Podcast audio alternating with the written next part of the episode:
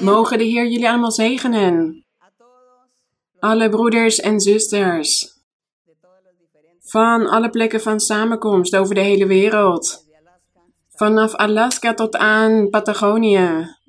Heel Amerika, Europa, Afrika, China, de Filipijnen, de eilanden, Australië, Nieuw-Zeeland, IJsland. Goed, alle broeders die samenkomen in de kerk van de Heer, in deze kerk. Zoals broeder Carlos Alberto vertelde, met die getuigenis. Hoe mooi die barmhartigheid van God jegens zijn kinderen, zijn volgelingen. De liefde van onze God. Wij weten dat wij op de juiste weg lopen. We kunnen daar niet meer aan twijfelen. We hebben over de hele wereld onderzoek gedaan. We hebben gekeken naar alle godsdiensten, religies, zoveel mensen die religieus zijn. En we hebben nagevraagd en onderzocht. En niemand zegt dat God zich openbaart zoals hij dit bij ons doet. Ze zeggen dat ze apostelen hebben of profeten, maar dit zijn alleen maar titels die ze zichzelf hebben gegeven. Want ze spreken niet over het verborgene van het hart van een ander persoon tot die persoon. Ze zeggen nooit: Ik zal voor je bidden, want God heeft mij een openbaring gegeven over je leven, over wat je hoort te doen of over wat je niet meer hoort te doen. Nee, ze hebben alleen een titel van profeet of apostel, maar ze laten dit niet zien. En het gaat er niet om dat we zeggen wat we zijn of wie we zijn. Mensen moeten in ons kunnen zien dat God zich in ons openbaart en dat God ons geeft wat Hij ons belooft. U kunt allemaal plaatsnemen. Neemt alstublieft plaats.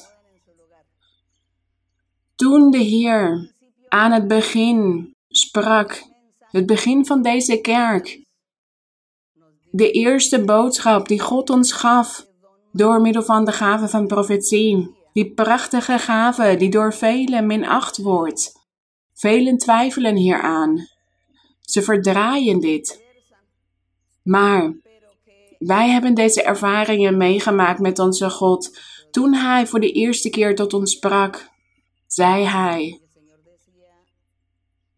Uit deze kleine schaapskooi van vier personen zal ik een grote kerk vormen. Wij kwamen met z'n vieren samen en we waren aan het bidden tot God. En het was één uur s'nachts, een zaterdagnacht. En God zei tegen ons: Ik zal een hele grote kerk vormen over de hele wereld. In Colombia en ook in het buitenland. En ik zal de mensen naar mijn kerk toe brengen. En God is dit aan het vervullen. Wij hebben dit gezien. En wij blijven dit zien. En hier blijven mensen van getuigen, want dit is wat we meemaken. Zo kunnen we zeggen dat we profeet of profetes zijn. Als onze woorden worden vervuld door God. Want God wil mensen redden. God wil de mensheid verlossen. God wil dat mensen gelukkig zijn. Dat is wat God wil. Hij wil de zielen redden van een werelds leven vol zonde, verbitterdheid, verdriet, ongeluk, ruzies, ziekten, zoveel dingen. God wil al die mensen hiervan redden, van die situaties. En hij wil geluk geven en alleen God geeft geluk. Dus zij die zeggen dat ze apostelen zijn en profeten, evangelisten, zij redden geen zielen, zij maken niemand gelukkig.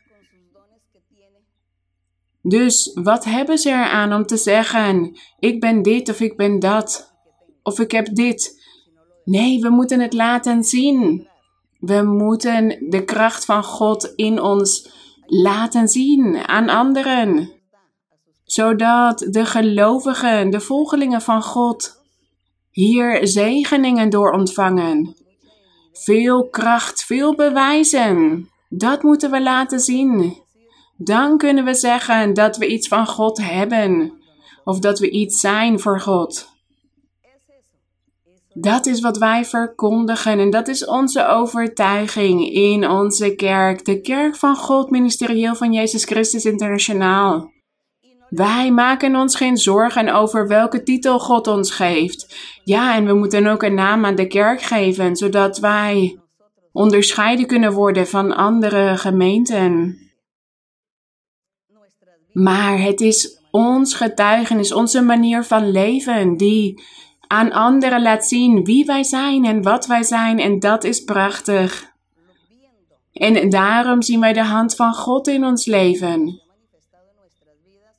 En gedurende deze 50 jaar, of eigenlijk al meer dan 50 jaar, laten wij deze overtuiging zien dat we op de juiste weg lopen. Ja, wellicht zijn we nog niet volmaakt.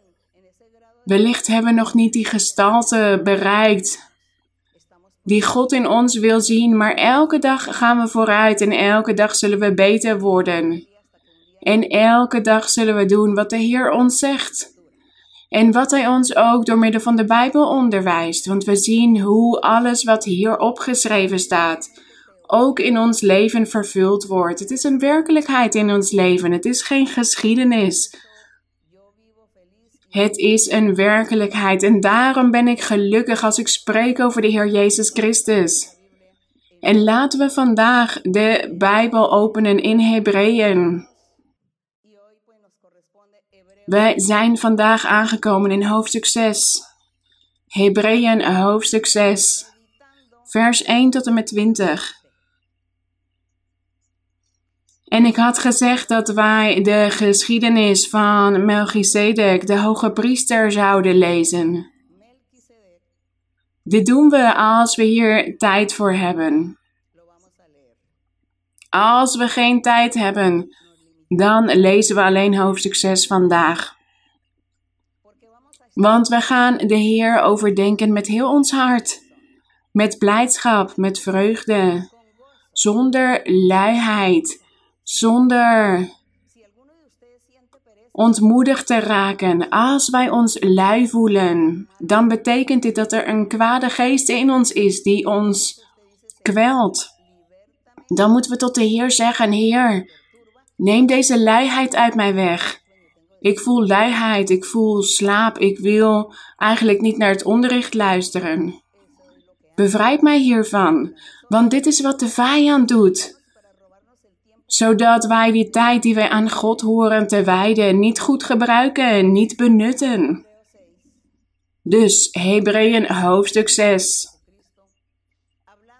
Hier gaat het over de Heer Jezus Christus, de Verlosser, de Zaligmaker, die beloofd was door God bij monden van de profeten. God sprak altijd tot de koningen, tot het volk. Hij zei altijd dat hij in de toekomst een zaligmaker zou sturen, een volmaakte koning, en dat zijn koningschap volmaakt zou zijn, rechtvaardig. Hij zou de gerechtigheid beoefenen. En iedereen was gelukkig vanwege die prachtige belofte. Zij verwachten die koning. Maar zij dachten dat het een materiële, fysieke koning zou zijn. Daar dachten zij aan, aan materiële dingen, maar zij dachten niet aan hun geestelijk leven.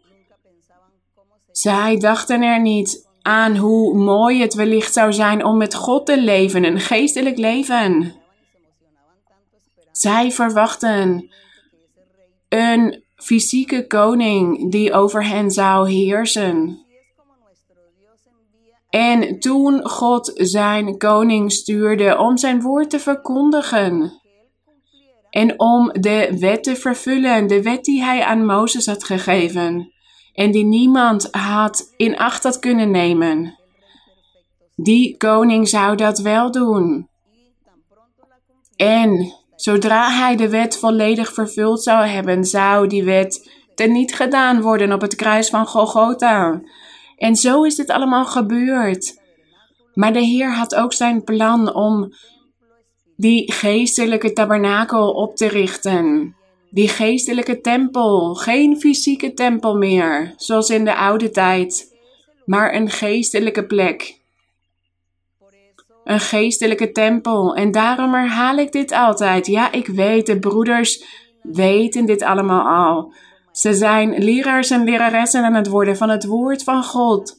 Maar ik blijf dit onderwijzen voor mensen die nieuw zijn. Of wellicht voor de eerste keer bij ons zijn. Jullie hebben wellicht gehoord over hoe de Heer ooit een keer sprak tot de Samaritaanse vrouw.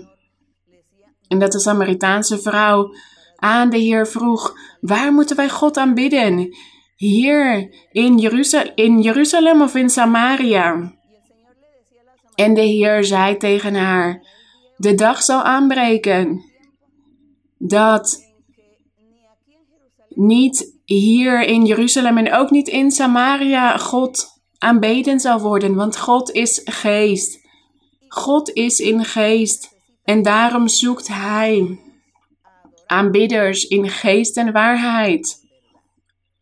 En daarom zei de Heer ook tegen zijn discipelen: Ga heen over heel de aarde en verkondig het evangelie aan alle schepselen, zodat iedereen verlost kan worden, zodat iedereen het eeuwige leven kan ontvangen en gelukkig kan zijn op aarde. Iedereen heeft hier recht op. In de oude tijd was het alleen het volk van Israël, maar nu alle landen en alle volken. Iedereen heeft het recht om God te leren kennen en gelukkig te zijn. Gezegend zij onze Heer.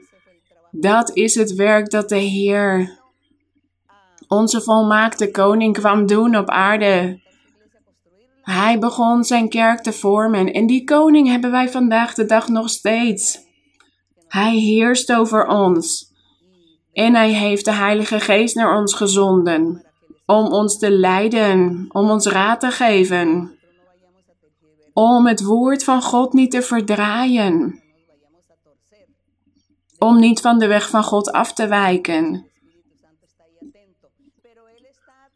De Heer let op ons, maar Hij let op degenen die oprecht van Hem houden, die Hem waarachtig zoeken om ons te helpen. Hij onderwijst ons en hij leidt ons. Maar degenen die arrogant zijn, verwaand, trots, hoogmoedig, die denken dat ze meer zijn dan anderen en die de armen of ellendigen vernederen en de eerste plekken willen, en die zeggen dat ze allemaal titels van God hebben ontvangen, dat ze apostel zijn, profeet, maar ze hebben de Heilige Geest niet eens ontvangen.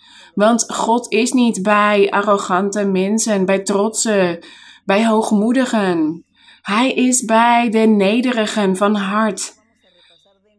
En deze dagen gaan wij een keer weer lezen over de zaligsprekingen, zodat we in herinnering brengen naar wie de Heer omkijkt, naar degenen die nederig zijn.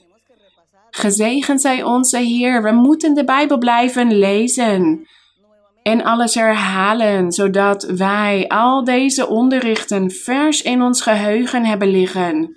En zodat de kracht van God in ons werkzaam kan zijn. Zodat wij door kunnen gaan vooruit, zodat we kunnen groeien in ons geestelijk leven. Dat is wat de Heer wil.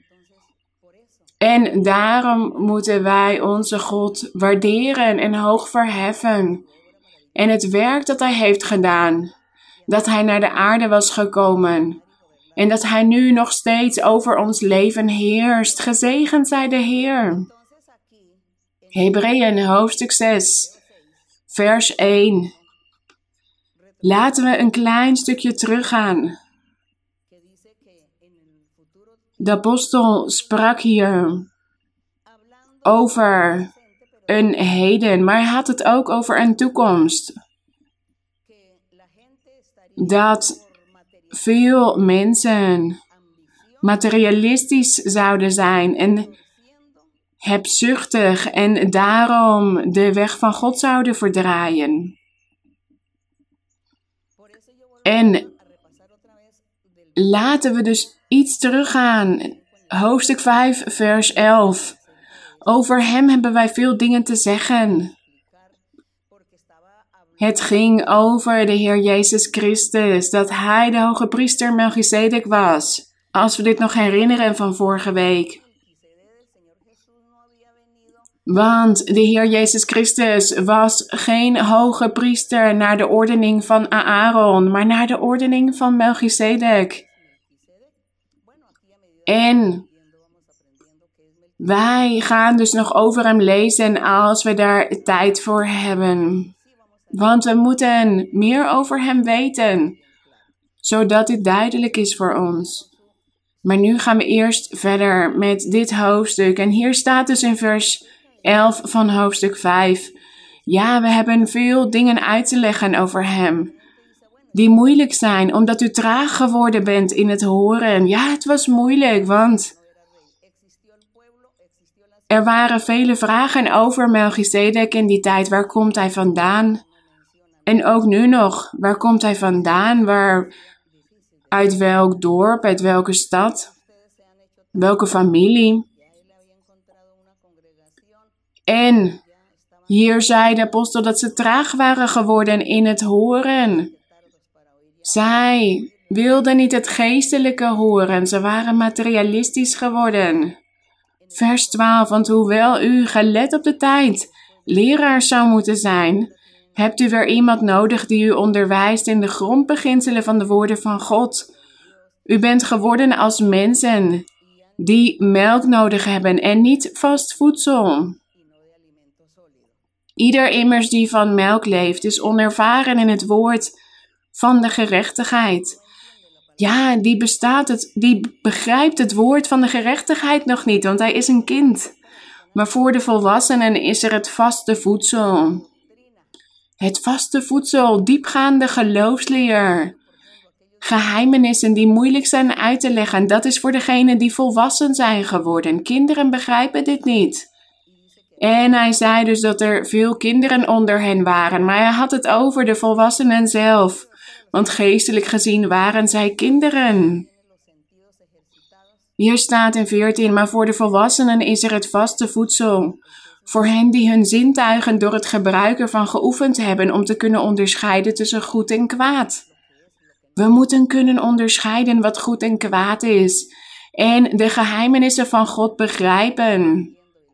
De geloofsleer en dit ook beoefenen. Dan zijn we volwassen. Als we dit kunnen. Vers 6, hoofdstuk 6, vers 1. Laten wij daarom. Dus om al die dingen en omdat er geen volwassenheid in jullie is, omdat er veel kinderen onder jullie zijn, zei hij, die melk nodig hebben. Jullie hebben de geloofsleer nog niet begrepen. Zoveel jaren zijn jullie in de kerk. Zoals broeder Carlos Alberto het had over die lauwe gelovigen.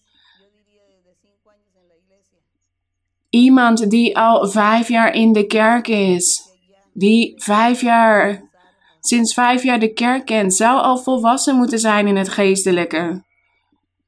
Want in vijf jaar kun je de Bijbel lezen, geloofsleer kennen. Maar dit fenomeen zien wij vandaag de dag ook. Het overkomt vele mensen. Dat mensen niet volwassen worden in het geestelijke. Want we hebben ook een vijand. En die vijand, die raakt ons op onze zwakke plekken, zodat wij niet volwassen worden in het geestelijke. Zodat wij niet groeien. Zodat ons geestelijk leven stagneert zodat we niet vooruit gaan. Maar laten we hierdoor niet ontmoedigd raken. Laten we standvastig zijn en dapper. En doorgaan. We moeten leren, blijven leren. En al deze dingen uit ons wegnemen, zodat we volwassen kunnen worden en de Heer ook om hulp vragen. Zodat wij volwassen kunnen worden in ons doen en ons denken. Dus Vers 1. Laten wij daarom het eerste onderwijs met betrekking tot Christus laten rusten en doorgaan tot de volmaaktheid, zonder opnieuw het fundament te leggen van bekering, van dode werken en van geloof in God. Ja, die fundamenten die moeten wij leren als wij net de weg van de Heer leren kennen. We beginnen Christus te leren kennen, de verlosser, de voorloper.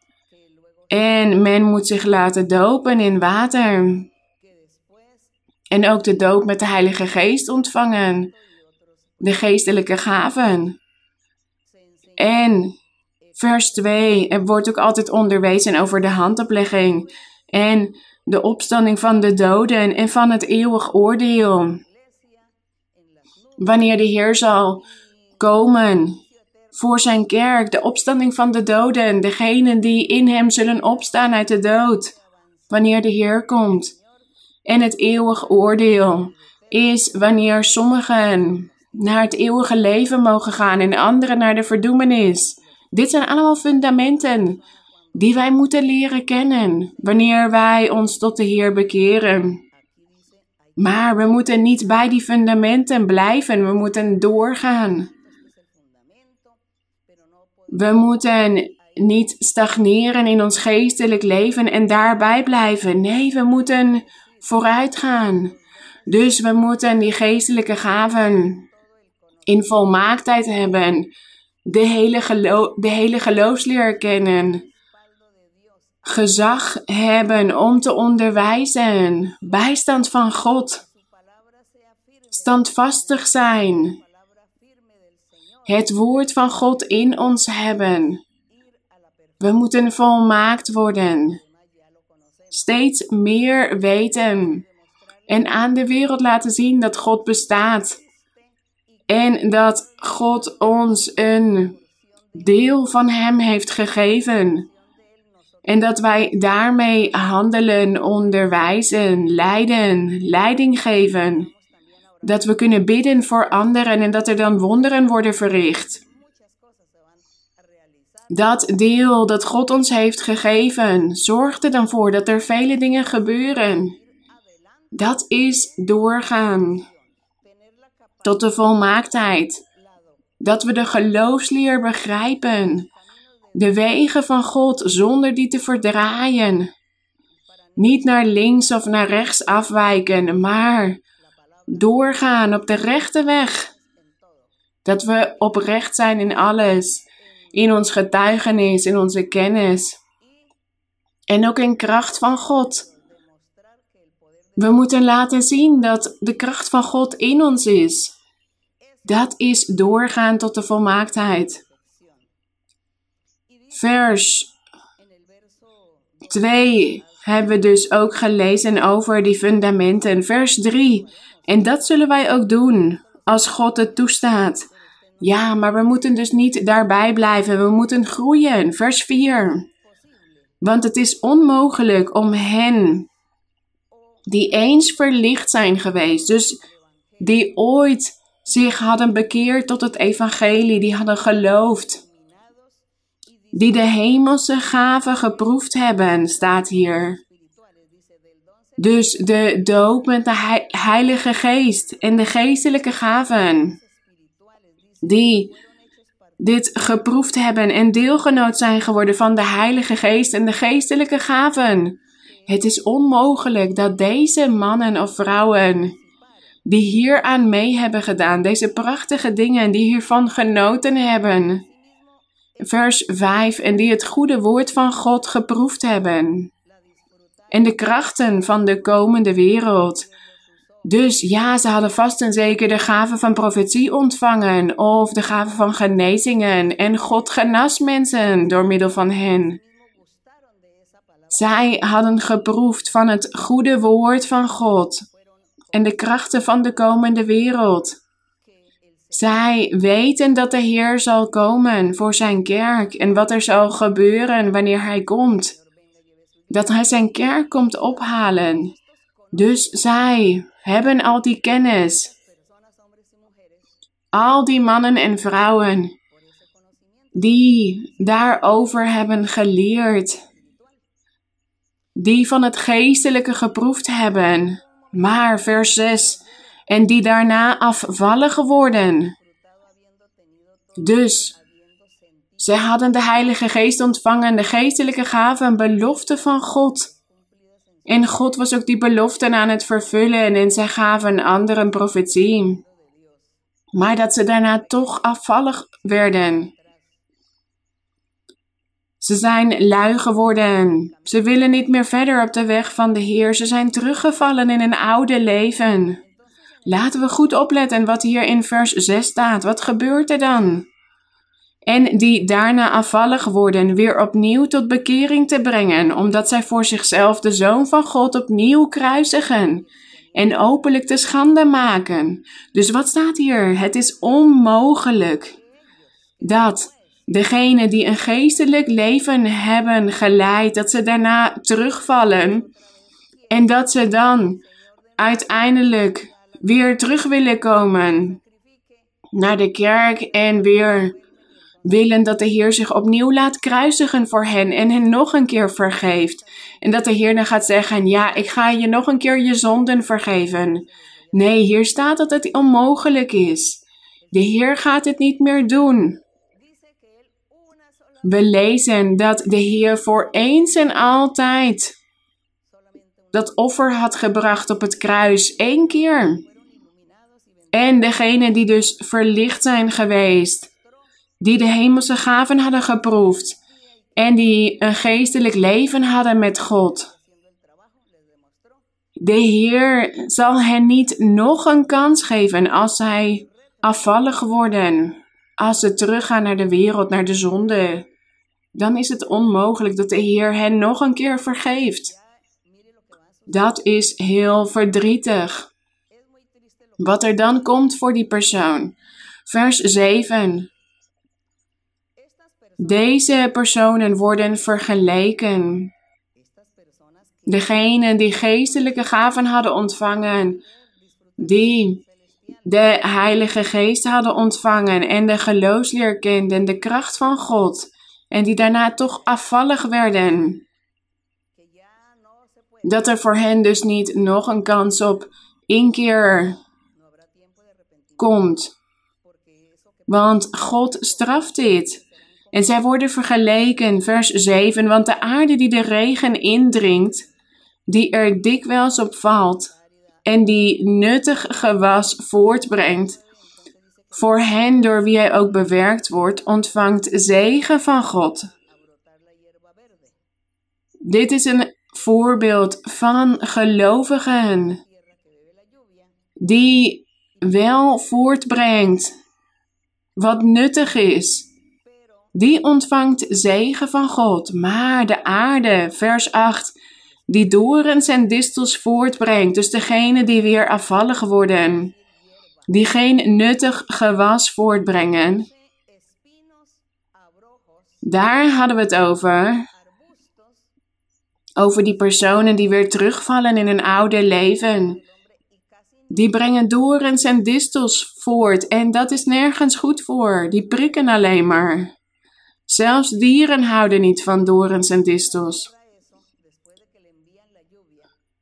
Dus hier staat dat die personen, mannen en vrouwen die die geestelijke regen van God hadden ontvangen, de Heilige Geest en de geestelijke gaven en al die openbaringen van God in hun leven, ze hadden regen ontvangen, maar ze brachten alleen dorens en distels voort. En daarom staat hier: het is verwerpelijk en de vervloeking nabij, waarvan het einde tot verbranding leidt. De Heer zal zeggen: verbrand het maar, want we hebben niets aan dorens en distels. We moeten juist goede aarde hebben, met nuttig gewas. Dat is de vergelijking die de Heilige Geest ons hier geeft over degenen die afvallig worden. Ja, ik weet dat er vandaag mensen bij ons zijn die nog nieuw zijn, die de kerk nog niet zo lang kennen. Voor jullie is dit onderricht nog niet. Dit is voor die lauwe gelovigen waarover we het hebben gehad. Dus mensen die bijvoorbeeld de kerk al vijf jaar kennen. Als we de kerk al vijf jaar kennen, dan kunnen we zeggen of we lauw zijn of dat we standvastig zijn op de weg van God. Vijf jaar is genoeg tijd. Wij weten al dat God barmhartig is en dat Hij iedereen zegent. Maar Hij verwacht ook dat men Hem dankbaar is, Hem looft, Hem zoekt, Hem bedankt. Want God geeft iedereen zegeningen.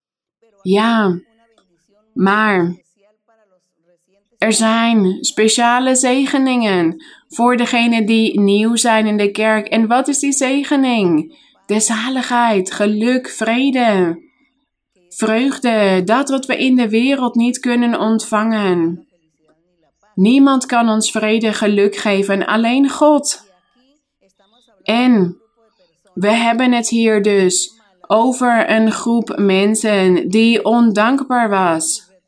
Want ze hadden zoveel zegeningen van God ontvangen en toch zijn ze teruggevallen. Ik denk dat jullie die nieuw zijn dit ook begrijpen. Dat jullie zeggen, ja, als iemand zoveel zegeningen van God ontvangt en dan toch nog terugvalt, afvallig wordt, dit hoort niet zo te zijn. Dat denken jullie vast en dat is juist, dit hoort niet zo te zijn. Die persoon wordt dan gestraft door God, want hier staat waarvan het einde tot verbranding leidt. Omdat die persoon God ondankbaar is geweest, zoveel zegeningen van God en toch terugvallen. Vers 9. Ook al spreken wij zo, geliefden, geliefden, degenen die God zoeken, die standvastig zijn.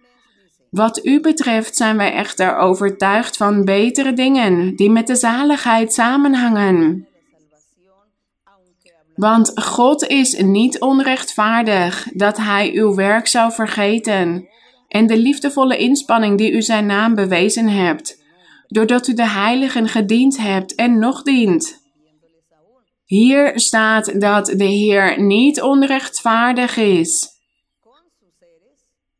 God beloont degene die Hem met heel hun hart dienen, die Hem trouw zijn, die doorgaan. En we kunnen dus niet zeggen dat God onrechtvaardig is, want Hij geeft zoveel weldaden, zoveel zegeningen. En als dan een persoon toch nog terugvalt en God vergeet en weer het slechte gaat doen voor God, dan kunnen we niet zeggen dat God onrechtvaardig is, want Hij heeft eerst Zijn liefde laten zien, Zijn gerechtigheid aan die mensen. En zij hebben niet gewild. Ze wilden teruggaan naar hun oude leven, dus dan zoeken wij ons eigen kwaad. Want de Heer laat ons de waarheid zien, zodat wij de waarheid kennen en accepteren en hiervan genieten. En wij zien wat dit ons geeft als wij in deze prachtige waarheid wonen. Als wij hierin leven, als wij hierin wandelen. Dan zeggen we, ja, God geeft geluk, Hij geeft vrede, Hij geeft blijdschap. Hij is barmhartigheid, Hij is liefde. Maar wij moeten zelf die beslissing nemen. Of wij terugvallen of niet, of wij hebzuchtig worden. En dat wij minachten wat God ons geeft. Dat we weer terugvallen in ons oude zondige leven. Die beslissing nemen wij zelf. We kunnen niet zeggen dat God dan onrechtvaardig is als wij dit doen. Nee, wij moeten dan erkennen dat wij de straf van God verdienen. Vanwege onze eigen daden.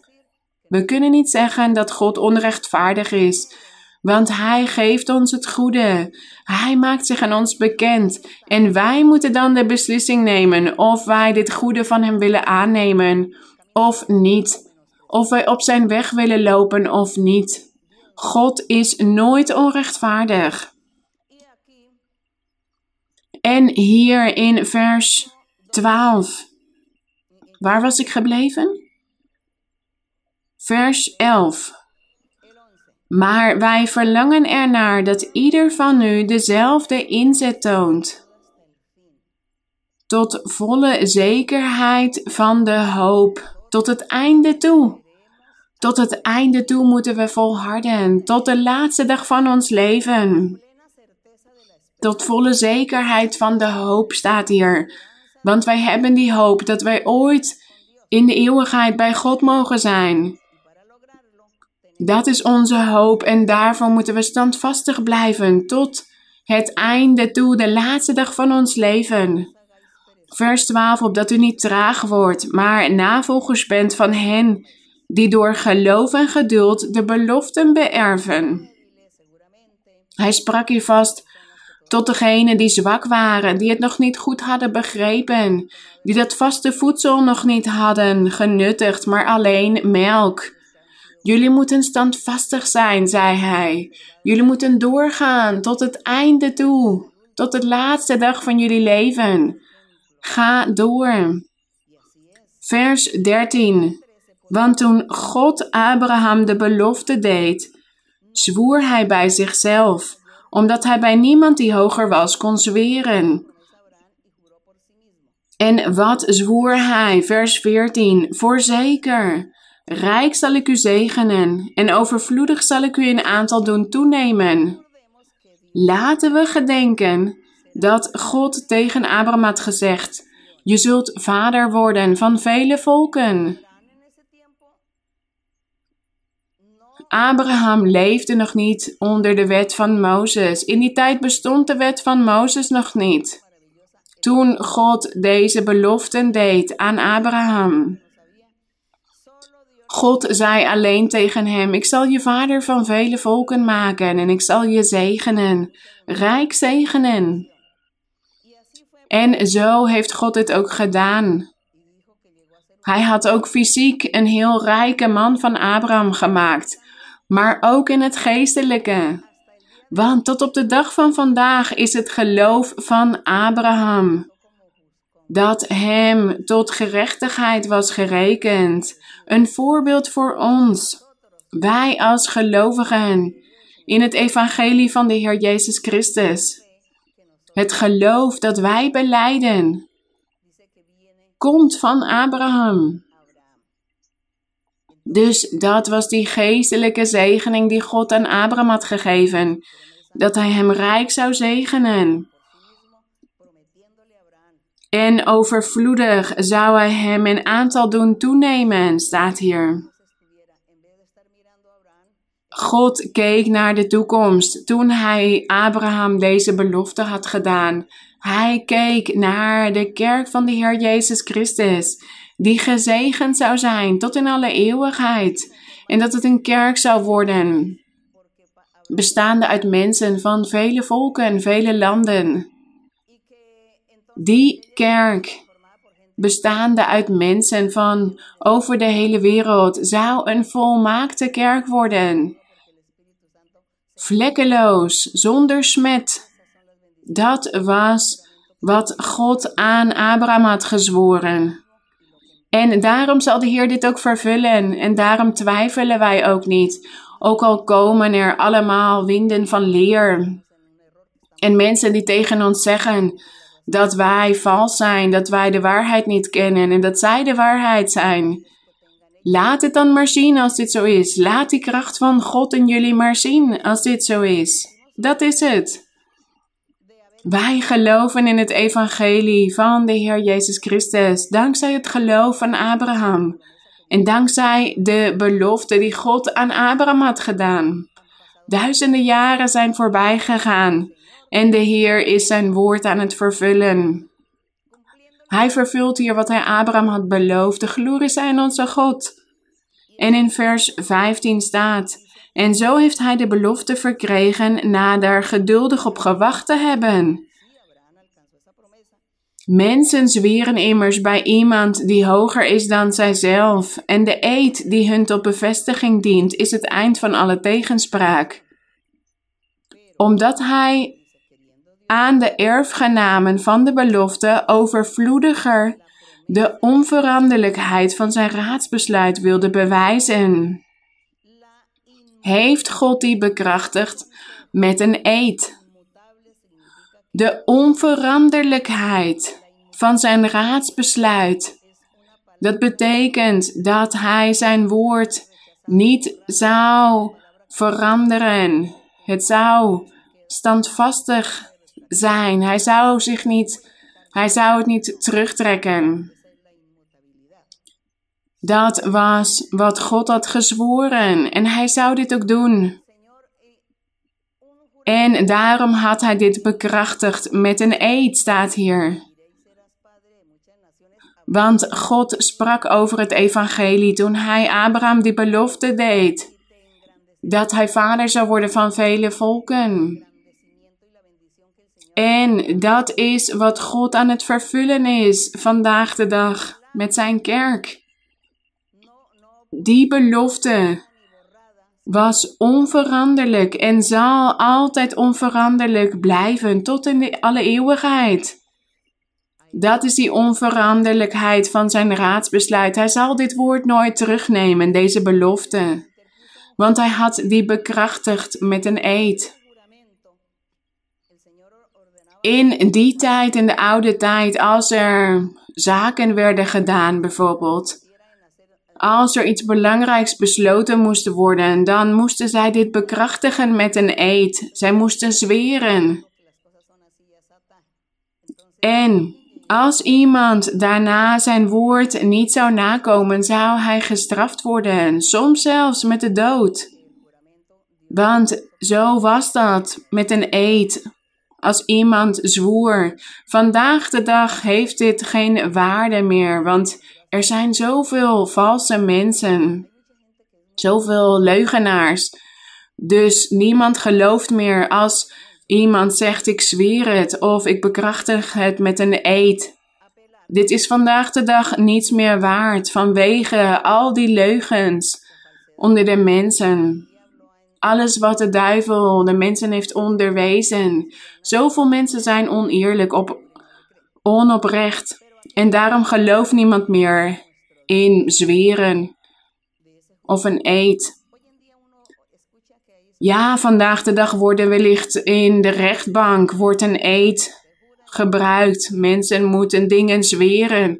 En als de rechter er dan achter komt dat die persoon gelogen heeft, ja, dan wordt hij hiervoor bestraft.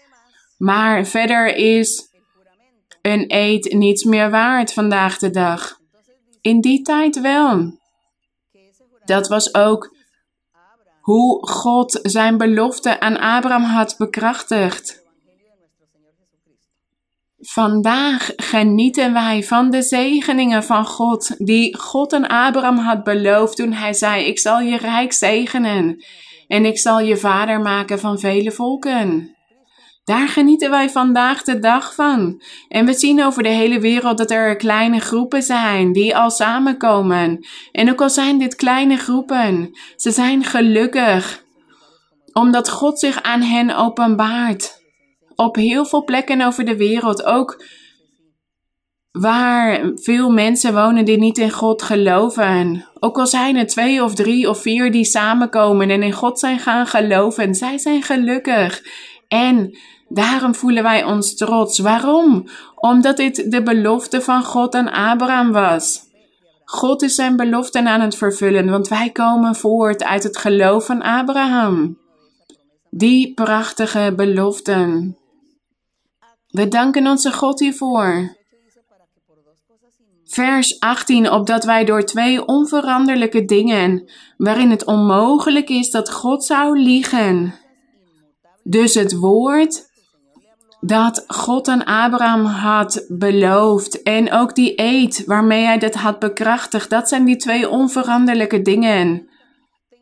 Waarin het onmogelijk is dat God zou liegen, een sterke troost zouden ontvangen, wij die bij Hem de toevlucht genomen hebben, om de hoop die voor ons ligt vast te houden. Gezegend zij onze Heer. Deze hoop hebben wij als een anker voor de ziel. Die hoop dat wij verlost zullen worden, dat wij in de eeuwigheid bij God mogen zijn, dat is als een anker voor onze ziel.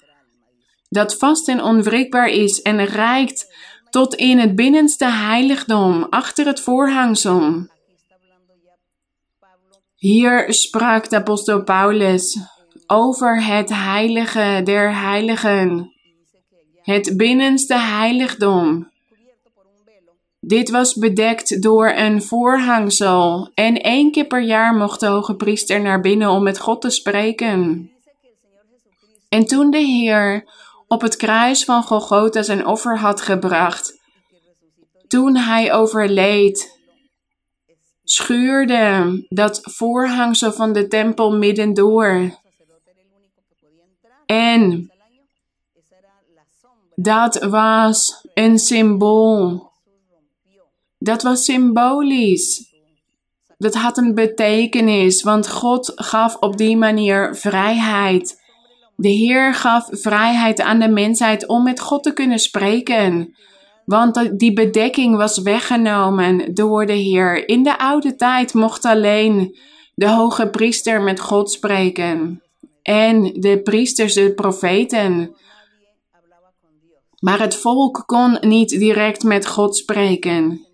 En wij vandaag de dag in het evangelie, wij mogen met God spreken. Door de geestelijke gaven, de Heilige Geest. De doop met de Heilige Geest en de geestelijke gaven, dromen, visioenen, profetieën. God spreekt tot ons allemaal vandaag de dag. In de oude tijd was dit alleen tot de profeten en de hoge priester. Maar God spreekt vandaag tot iedereen. Hij openbaart zich aan iedereen en hij troost iedereen. Dus dat voorhangsel of die bedekking was weggenomen. Vers 19. Deze hoop hebben wij als een anker voor de ziel, dat vast en onwrikbaar is en reikt tot in het binnenste heiligdom, achter het voorhangsel. Ja, de Heer heeft ons die toegang gegeven tot God. Hij heeft dat voorhangsel, die bedekking weggenomen, want God spreekt tot ons hart. Hij spreekt tot ons door middel van de ware gave van profetie. Ja, ik zeg de ware gave van profetie, want de duivel begint ook mensen te gebruiken om de dingen van God te imiteren, na te doen. En zo zijn er dus vele mensen die denken dat ze wellicht de gave van profetie hebben. Maar dit is dan een misleidende geest die in hen is. Maar degene die oprecht is met God, degene die de gave van God ontvangt, de Heilige Geest spreekt door hem of haar tot de anderen. Dat is die vrijheid die de Heer ons heeft gegeven. Dus wij kunnen tot de Heer bidden en Hij kan tot ons spreken, op welke plek dan ook, waar we ook maar zijn. In de oude tijd was dit niet zo. Vers 20, daar is de voorloper voor ons binnengegaan, namelijk Jezus, die naar de ordening van Melchizedek hoge priester geworden is tot in eeuwigheid. Hij was één keer naar binnen gegaan. Als hoge priester naar de ordening van Melchizedek. Hij deed dit toen hij gekruisigd werd op het kruis van Golgotha. Hij is die voorloper, zoals in vers 20 staat. Naar de ordening van Melchizedek hoge priester geworden is tot in eeuwigheid. Dat is het werk wat de Heer Jezus Christus had gedaan. Door zijn offer heeft Hij ons die vrijheid gegeven, dat voorrecht. Dat wij met God mogen spreken. En dat Hij tot ons spreekt, dat Hij ons troost dat Hij ons leidt, dat Hij ons raad geeft. En Hij doet dit door middel van dromen, visioenen, profetieën. Gezegend zij de naam van onze Heer, door middel van openbaringen en onderscheidingsvermogen. Hij spreekt tot ons. Dus wij hoeven geen profeet te zoeken of een hoge priester. We kunnen zelf tot God praten. De Heer heeft van ons allemaal koningen en priesters gemaakt. Zo staat dit in de Bijbel. Dus wij, kunnen, wij hebben allemaal die toegang tot God. Gezegend zij onze God. Wij danken Hem hiervoor, voor deze prachtige zegen. Wij danken onze God, de Almachtige. En waardeer dus onze God, zijn woord. Wij horen dit te waarderen. Alles wat de Heer doet in ons leven, de manier waarop Hij zich openbaart. Wij horen een oprecht heilig leven te leiden, zodat alles volmaakt is in ons leven. De Heer zal ons hierbij helpen. We moeten bidden tot God en Hem om hulp vragen, zodat Hij ons volmaakt maakt, dat Hij ons hierbij helpt, zodat we trouw kunnen zijn. Dus degenen die nieuw zijn en wellicht voor de eerste keer bij ons zijn, ga hier ook van genieten. Kom ook binnen. Voel ook de Heer in uw wezen. Jullie zijn allemaal welkom. Ontvang de zegening van onze Heer. Laten we gaan bidden tot onze Hemelse Vader. Gezegende God, krachtige God, Vader van onze Heer Jezus Christus. Gezegend bent u God, dat u deze prachtige belofte aan, aan Abraham had gedaan. Wij danken u, mijn Heer. Want wij zijn zoveel geheimenissen van u aan het ontdekken. En u geeft ons dit in uw barmhartigheid, uw liefde, uw rechtvaardigheid, want u bent rechtvaardig. Want u kijkt om naar de ellendigen, de nederigen, de zwakken. Degenen die u wil willen doen, maar dit wellicht niet kunnen. U staat klaar, mijn Heer, met uw krachtige hand, om iedereen moed te geven, blijdschap, vreugde, dapperheid, zodat wij allemaal doorgaan in deze, op deze prachtige weg van verlossing. We danken u, onze koning, onze Heer. Wij danken u voor uw barmhartigheid. En in de naam van uw geliefde Zoon, de Heer Jezus Christus, vraag ik u om uw krachtige hand uit te strekken, die geneest. Uw genezende hand, strek die uit over vele mensen die ziek zijn, mijn Heer. Wees barmhartig. Mensen van alle leeftijden zijn ziek. Reinig hen, bevrijd hen. Bestraf ook die kwade geesten. Neem hekserijen weg. Vernietig het werk van de vijand en geef vrijheid en blijdschap en vreugde in de naam van de Heer Jezus Christus. De glorie in de eer zij aan u. We danken u in de naam van de Heer Jezus Christus. Amen. De glorie zijn onze God. Wij danken onze Heer. Dank jullie wel, broeders en zusters. Mogen God jullie allemaal zegenen. Een omhelzing voor jullie allemaal, ook voor de kinderen. En tot binnenkort. Dank jullie wel.